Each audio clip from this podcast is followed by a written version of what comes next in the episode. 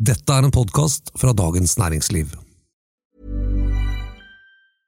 Imagine the softest sheets you've ever felt. Now imagine them getting even softer over time. That's what you'll feel with Bowl and Branch's organic cotton sheets. In a recent customer survey, 96% replied that Bowl and Branch sheets get softer with every wash. Start getting your best night's sleep in these sheets that get softer and softer for years to come. Try their sheets with a 30-night guarantee. Plus, get 15% off your first order at bowlandbranch.com. Code BUTTERY. Exclusions apply. See site for details. When you're ready to pop the question, the last thing you want to do is second guess the ring. At Bluenile.com, you can design a one of a kind ring with the ease and convenience of shopping online. Choose your diamond and setting. When you find the one, you'll get it delivered right to your door. Go to Bluenile.com and use promo code LISTEN to get $50 off your purchase of $500 or more. That's code LISTEN at Bluenile.com for $50 off your purchase.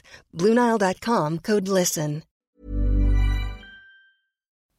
Nå snakker Frp om lærere og sykepleiere, mens MDG bare snakker om bil.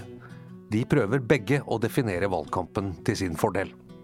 Og regjeringen har sagt nei til 700 000 vaksinedoser, og vil heller gi dem til fattige land. Vaksinenasjonalistene griper saken begjærlig. Velkommen til Den politiske situasjonen, en podkast fra Dagens Næringsliv. Om politikk og sånn. Eller rettere sagt om politikk. Bare politikk med kommentator Eva Grinde og meg, Fridtjof Jacobsen, som er politisk redaktør. Og altså, Fridtjof, du syns du aner nå hvordan partiene posisjonerer seg for uh, valgkampen? Ja, det syns jeg vi begynner å se. For, for i skyggen av eh, pandemi, korona, vaksiner, sushi, hytteturer, altså alt det som vi er mm. mest opptatt av, så begynner det nå å komme Eh, litt sånn jevnt og trutt en serie hva man kan kalle rene utspill. Altså at eh, politikere kommer til en redaksjon og kommer og sier noe oppsiktsvekkende eller et eller annet som typisk blir nyheter.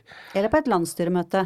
Eller på et landsstyremøte. Men altså ikke sant, strategisk plasserte budskap, ofte litt sånn konfronterende i stilen, eh, som jo er, som jo er altså, veldig klassisk både journalistikk og politikk. Utspill som skal vekke oppmerksomhet. og alltid, eh, ettersom dette på en måte ikke er reaksjoner, dette er liksom saker man selv prøver å få på dagsorden, så er det nå, tror jeg, sånn at uh, i våren før en avgjørende valgkamp, så, så, er det ikke tilfeldig hva slags saker de utspillene handler om, og, og, hvordan man prøver å plassere seg. Det er fordi at partiene mener at disse sakene vil det tjene oss å få oppmerksomhet rundt. Og Siv få bråk rundt. Ja, Siv Jensen var jo da ute i, i det som er hennes siste tale, vel, til eh, sitt landsstyre.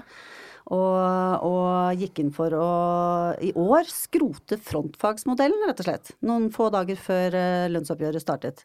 Det, var jo, det vekket jo litt oppmerksomhet. Ja, vi vil si nærmest et perfekt utspill. eh, altså eh, helt utrolig strategisk plassert, og, og, et klassisk eh, utspill som også var ganske vellykket. Det fikk veldig stor oppmerksomhet. Altså hun hun sa eh, frontfagsmodellen var på en måte det som skulle skape oppmerksomhet, for det var jo da et voldsomt brudd med noe etablert. Og, og hun visste jo selvfølgelig også at eh, det kom til å bli trukket frem at hun har vært finansminister i mange år, at hun har sittet i regjering, at dette på en måte frontfagsmodellen er jo omtrent like hellig som, eh, som handlingsregelen, ikke sant? Ja. Eller Nato. Mm. det er fornuft og stabilitet og Norge på sitt beste og den norske modellen, og det er liksom alt det der. Ja, trepartssamarbeidet, mm. ikke sant. Og arbeidsgivere og arbeidstakere eh, viser moderasjon, tilpasset konkurranseutsatt eh, sektor som selger til utlandet. Og staten stiller opp liksom, for å sikre at dette går i hop. Så det var jo agnet som skulle få folk til å bite, og overskriftene. Vraker frontfagsmodellen osv. Mm. Det fungerte veldig bra. Siv Jensen er jo hun er erfaren, så hun vet hva hun driver med. Og så var det jo budskapet, som kanskje var vel så interessant, at denne skulle jo vrakes bare i år. Eh, for å gi lærere og sykepleiere, det var to grupper hun dro ut, et ekstra lønnsløft utover det som er den generelle lønnsutviklingen i samfunnet, som basert på hva industrien får. Eh, og det er jo i og for seg lett uh, å skjønne og få en viss sympati med det. Uh, dette er jo to yrkesgrupper som har stått på ganske mye ekstra både i pandemien og, og generelt er jo to veldig viktige yrkesgrupper. Uh, og store, ikke minst. Ja, veldig viktige yrkesgrupper i velferdsstaten. Skole er jo, sant, er jo helt på topp toppen av liksom satsingssaker og eierskapssaker for Høyre.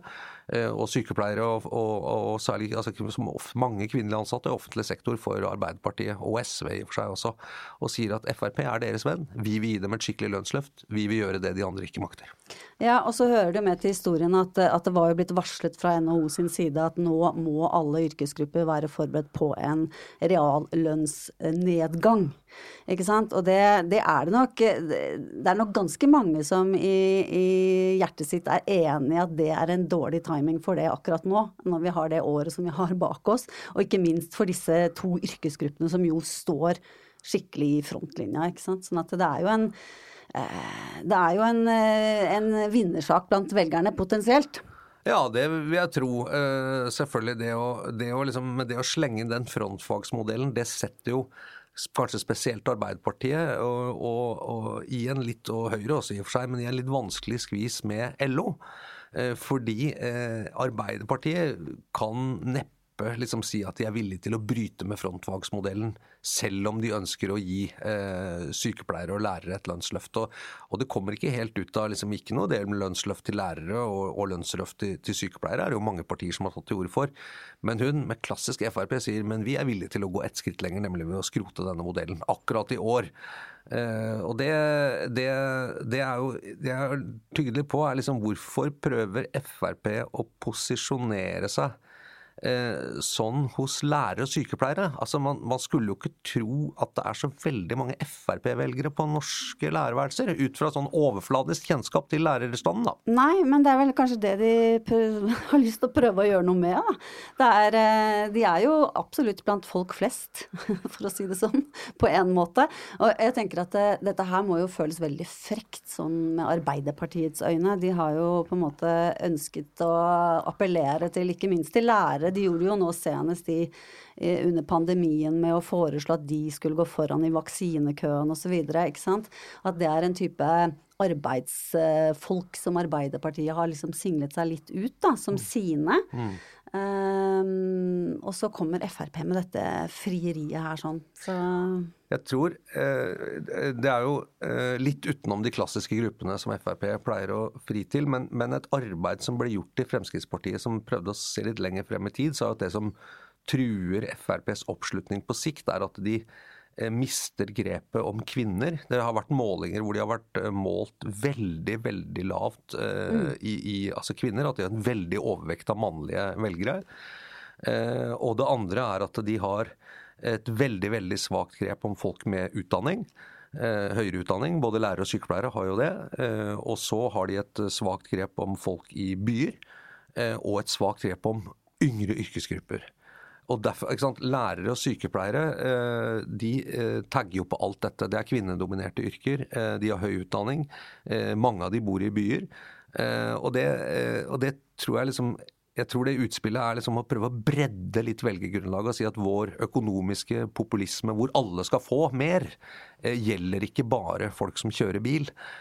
Eller, eller liksom den klassiske mann 50. Fins det lærere som kjører bil, da? Ja, eller pensjonister. Det andre partiet som har gått i en litt annen retning med det. Da. Det er jo MDG. Eh, jeg vet ikke hvor interessert du er i MDG. Du er jo urban eh, kvinne med høy utdanning i, i sånn, hva skal man si, medieyrke i Oslo. Så Jeg burde være interessert i ja, MDG, da? Være veldig, du er jo MDG. Eh, du er jo innenfor det de definerer som sitt velgerunivers. Ja. Og bor liksom sentralt. Jeg syns MDG blir, fremstår sånn temmelig marginalisert Syns de snakker mye om uh, bilfri sentrum, liksom. That's it.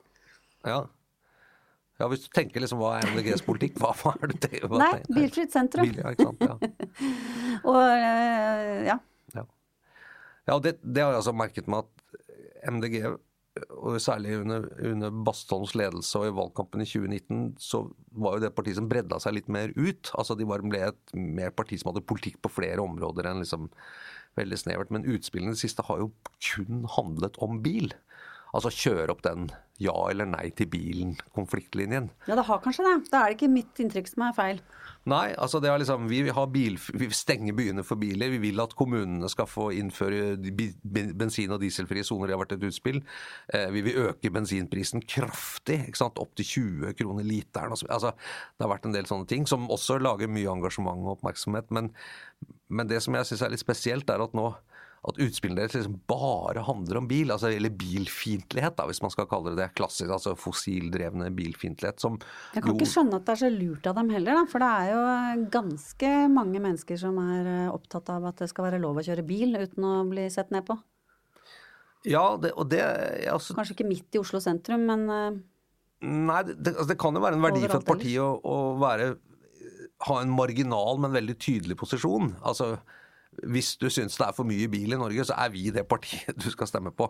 Altså Hvis én av ti velgere er enig med det, så er du 10% Hvis én av 20, så er det fem, og det er jo over sperregrensen. Så det ser ut som de kanskje tror at denne saken har så mobiliserende kraft for akkurat de velgerne de prøver å nå, eh, at de tror at det liksom skal gi dem det nødvendige løftet for å komme over. Men jeg, jeg tror det blir for smalt. og jeg tror hvis de, hvis de blir helt monomane på bare liksom å si nei til bil, og at det er det eneste partiet forbindes med, Eh, så, eh, så, tror jeg kanskje at hvis de da havner under sperregrensen eh, i valget til høsten, og når målingene nå er liksom ikke helt gode for dem, så tror jeg kanskje at den strategien, eller taktikken, da, vil vise seg å være feilslått. Jeg tror ikke et grønt parti kan være så smalt.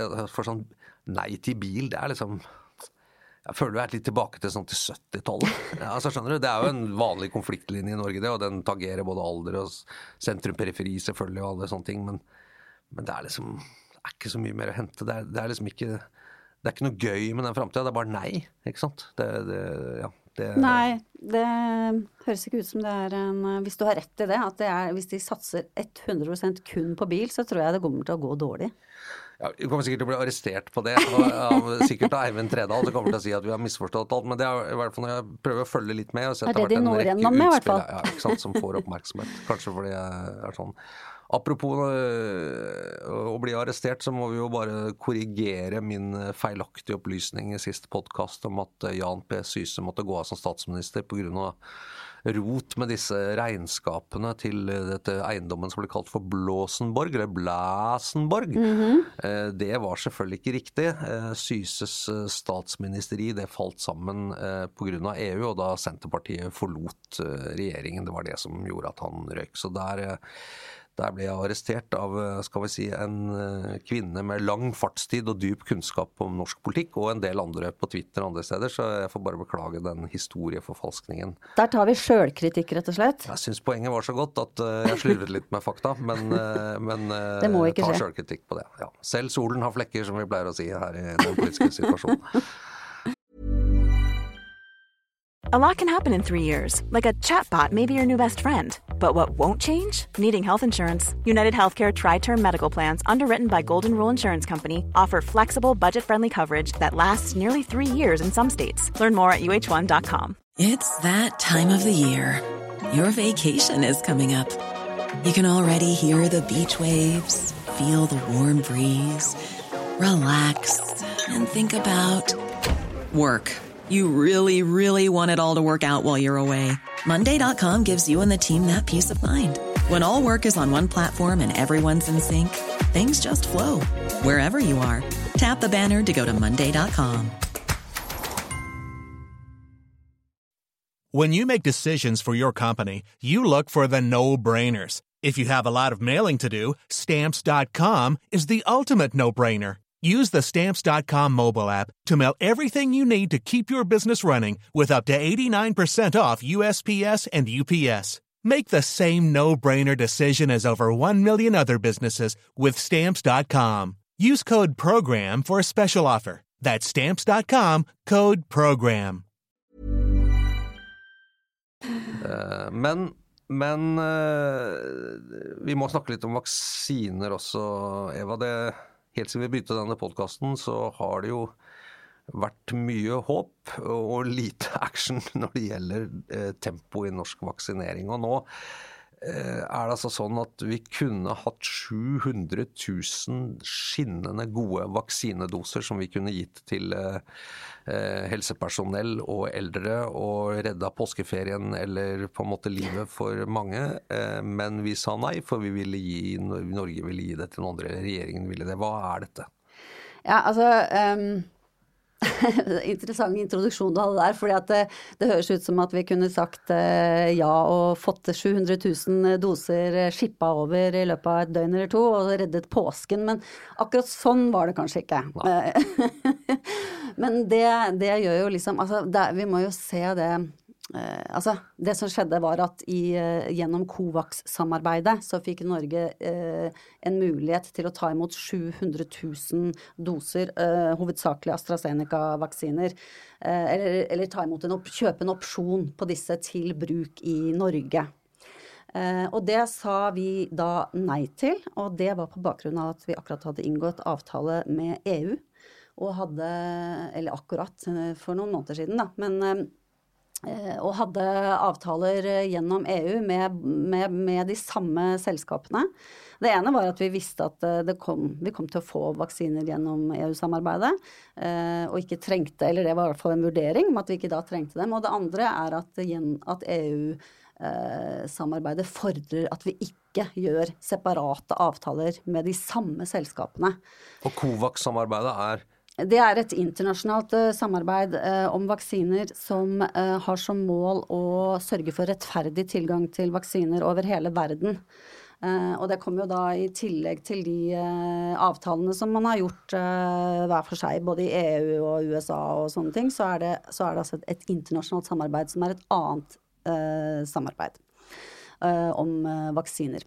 Så de vaksinene havnet hvor nei, de ble eh, Det Norge sa da, var at nei, ta og Det er litt sånn komplisert, for det er sånn vindu 1 og vindu 2 osv. Men det, i, i, prinsippet, i praksis, så sa Norge gi dem i stedet til legepersonell i utviklingsland. Ja. Uh, og dette var i november, og nå ser vi at den vaksineringen har startet nå. Så dette var jo liksom snakk om opsjoner på fremtidige uh, vaksiner. Og eh, det man har regnet på, er at hvis vi hadde sagt ja den gangen til å bruke dem på norske innbyggere, så kunne vi ha fått 230 000 av de dosene før sommeren.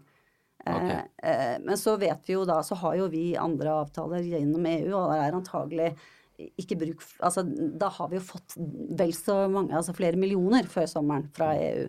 Sånn at det, dette blir, det, det blir jo på det bakteppet, da, at vi har sant, Det er stadig mer smitte, det gjelder, tiltakene bare strammer seg til, eh, vaksinene går med sant, i sneglefart osv., så, videre, så kommer den nyheten om at Norge sa nei til 700 000 vaksiner. Frp og Senterpartiet på en måte grep dette, denne nyheten og, og, gjorde den til politikk. De var jo i debatten hos, hos Fredrik Solvang på NRK. men men aner du noe mønster? Var det, sånn, det, var kanskje ikke så overraskende at de to partiene grep det, men, men hva, hva, slags argumentasjon brukes det? Hva, hva leser du ut av den argumentasjonen de brukte rundt det?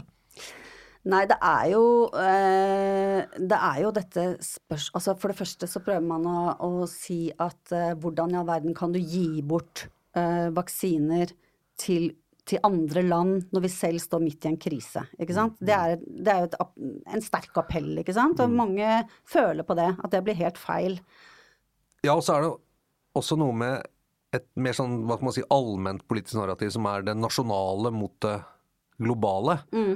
Eh, som jo vi har jo sett i den britiske debatten om EU, altså også før brexit, ikke sant, er at Eh, alt som er litt dårlig eller rart, det kan man skylde på EU eh, e for. Eh, og det som er bra, det har vi ordna sjøl. Det, det, er jo selvfølgelig politisk opportunt å kunne skylde på noen utenfor.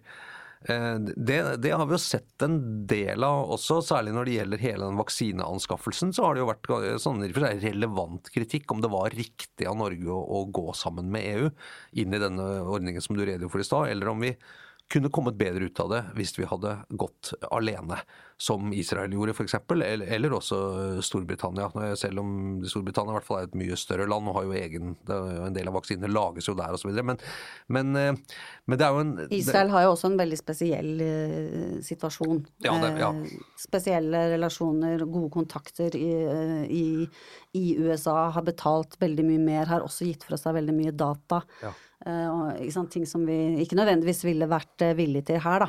Men jeg tenker en ting som, som ble sagt som er litt sånn eh, frapperende fra, fra, Vedum sin side, som sier at det er klart at når vi bygger sykehus i Norge, så bygger vi dem først i Norge og ikke først i Malawi. Ikke sant? Og det, da tenker man ja, det er jo riktig, vi kan ikke begynne å bygge sykehus i Malawi når, hvis ikke vi har dem på plass her. Men, men men det, eh, det, faller litt på sin urimelighet. fordi at, eller det, det, blir sånn illustrasjon på at vaksinespørsmålet er et annet. For her henger alt sammen med alt på en helt annen måte. Så det å, å, være med på å få hele verdens befolkning vaksinert er jo faktisk en ganske, en, også en egoistisk handling fra Altså en nasjonalistisk da, handling fra Norges side. Ikke bare, eh, ikke bare veldedighet. Eh, fordi at eh, dersom man eh, sånn som det ser ut nå, så vil jo den rike delen av verden være ferdigvaksinert mye før den fattige. Og jo lenge, altså store områder som får lov til å fortsette å la denne virusen spre seg, eh, det vil jo føre til eh, eller veldig stor fare for eh, nye mutasjoner. Som da, sånn at det å få hele verden opp så fort som mulig samtidig er et poeng for alle. Ja, og det var det Erna Solberg sa i et sånt intervju som gjorde meg også, var at, at sant, hvis ikke da vil det mutere, og så vil det, så vil det komme hit igjen. Og Da kan det utløse nye eh, på en måte pandemier, og vi trenger nye vaksiner. fordi det er ikke sikkert de vaksinene vi da har i oss, vil beskytte oss Så, altså, så det på en måte det er, eh, det er til vårt eget beste og å dele det. At vi er ikke ferdig med dette før hele verden er vaksinert, sa hun. og det, det,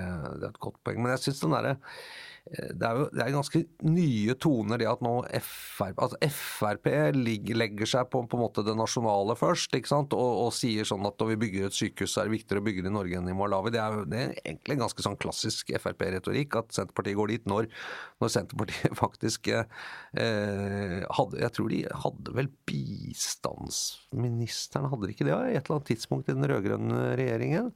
Men jeg tenker at det at vi bygger sykehusene her før i Malawi, det, det, er, vel, eh, det er vi vel alle enige om, på en måte. Altså, det, ikke sant. Det, det er jo Men det, det, er, jo egentlig bare et eksempel på at dette handler ikke om, eh, handler ikke om å være veldedig, men det handler om å, å passe på eh, oss selv og hele verden samtidig, da, fordi det henger sammen. Ja, men, men, neste skritt er jo da kan man jo begynne å si om bistandsbudsjettet ikke sant, på 30-40 milliarder kroner at vi kunne jo brukt disse pengene ja. på, i Norge på å bygge veier eller sykehus ja, eller Det er aldri, det er ikke noe tak på hva man kunne gjort, selvfølgelig. Nei, det er, liksom, det er jo en retorikk på en måte som er, som er ganske sånn nasjonalt orientert, og den, den, den, fenger nok. og det, det, er jo også interessant at Senterpartiet er jo også er jo ganske sånn nennsomme med hva de kritiserer regjeringen for i denne pandemien, men akkurat dette her med EU-sporet mm. og sånn. På vaksiner, det har de da valgt ut. Ellers er jo Vedum ganske forsiktig. Han er jo ikke noe veldig sånn med smitteverntiltak. og Jeg har ikke i hvert fall sett at Vedum nå har vært ute og sagt at liksom alle skal straffes for at det er smitte i Oslo, som, ikke sant, sånn eh, med nasjonale tiltak osv. Og, og så syns jeg Senterpartiet er mer nyansert også enn Fremskrittspartiet. Han er veldig sånn til å understreke hvor komplisert det er. og, og så Både denne og en, en debatt tidligere da Arnstad tok til orde for at vi burde kjøpe vaksiner fra Russland og Sputnik og sånn. Så, så begge, både i denne debatten og tidligere debatter så syns jeg Senterpartiet liksom har til slutt kommet til at ja, men vi trenger Dere bør i hvert fall informere oss, da. Altså, det, det, er en sånn frustrasjon ja, ja. på at de står utenfor, ikke får den informasjonen de skal ha.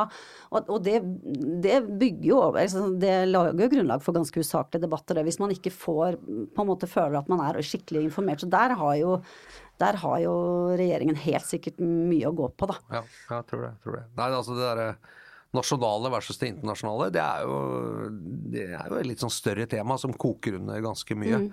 Eh, bør man liksom sette nasjonen eh, foran det internasjonale og på en måte jeg, jeg den, den, altså der, vi har jo liksom en stund vært i et sånt bilde at, eh, at liksom verden henger så godt sammen, vi er så globalisert at det nesten, gir nesten ikke mening å snakke om det nasjonale på en eller annen måte. Mm. Eh, og det, jeg, jeg, tror kanskje det jeg tror Det, det tror jeg skaper nasjonalisme. Ja, jeg tror det er et skifte, ja, men, men ikke ja. bare sånn, sånn usaklig nasjonalisme. Nei, nei. Men, men, det er en, det er en sånn sunn debatt om, om verdens problemer og befolkningens rundt sitt land er liksom ensidig løst med bare disse svære, eh, på en måte overnasjonale organene. Og det er jo klart at det der vaksineinnkjøpet i EU, eh, om man gikk sammen, som egentlig selvfølgelig skulle være en styrke, 500 millioner mennesker går sammen og, og kjøper vaksine, det skulle være en voldsom trøkk overfor produsenter osv. Og, og sikker fordeling, det har, det har, jo ikke vist seg i en veldig alvorlig krisesituasjon å, fungere helt sånn som vi håpet at det skulle fungere. da. Ikke, ikke hos oss og ikke andre EU-land heller. Nei, nei, det kommer selvfølgelig litt an på hva slags forhåpninger man hadde til hvor fort det skulle gå. Og så er det jo også interessant å tenke hva hadde vært alternativet? Altså hvordan hadde, hvordan hadde vi hatt det hvis alle europeiske land konkurrerte med hverandre om, om ulike Det vet vi jo heller ikke, da. Ikke sant? Sånn at, eh, ja. Nei, vi, det, det, er helt sant, vi vet jo ikke det. Men det, orker man å være så rasjonell når man liksom trodde at man skulle være ferdig med dette etter påske? Hvem er mann nå? Det er mann, det er folket. Befolkningen. Ja, nei, jeg folket. kjenner på meg selv. Nei, altså, men Det ble jo sagt vi skulle være ferdig med dette til påske, og det, det var jo en mye Du har skapt en optimisme. Jeg har aldri trodd du skulle være ferdig til påske, men det, det, varierer sikkert litt hva man, hva man hører òg. Hva vi ønsker sterkt og ja. Erna Solberg sa det, ikke sant. Mm. Uh, og de, så i, på en periode, en stund siden hun har sagt det nå. Nå, nå. Det var før det muterte viruset, i hvert fall. Ja. Og nå blir det jo hjemmepåske på Erna Solberg òg, ser vi. Ikke noe tur til Bergen. Det, det tror jeg var lurt. ja, dropp si sånn. Bergen. Ja, ja, billig kommunikasjonstriks der. eh, det er påskeferie, eh, det er det. Og, eh, og, det betyr at eh, den politiske situasjonen også tar påskeferie. Vi er tilbake eh, ikke da neste uke i den hva det kalles, den stille uken, eller? Ja, det gjør det. Ja. Og den blir vel ekstra stille nå i år. Den blir i hvert fall stille herfra. Også, men så er vi tilbake uka etter påske, og da regner vi med at Norge er oppe og koker igjen, eh, spesielt i politikken. Noe annet ville vært overraskende. Eh, god påske til alle lyttere av den politiske situasjonen. Eva Grinde og Fridtjof Jacobsen takker for seg, og vår produsent han heter Oskar Bremer. Vi høres igjen om to uker.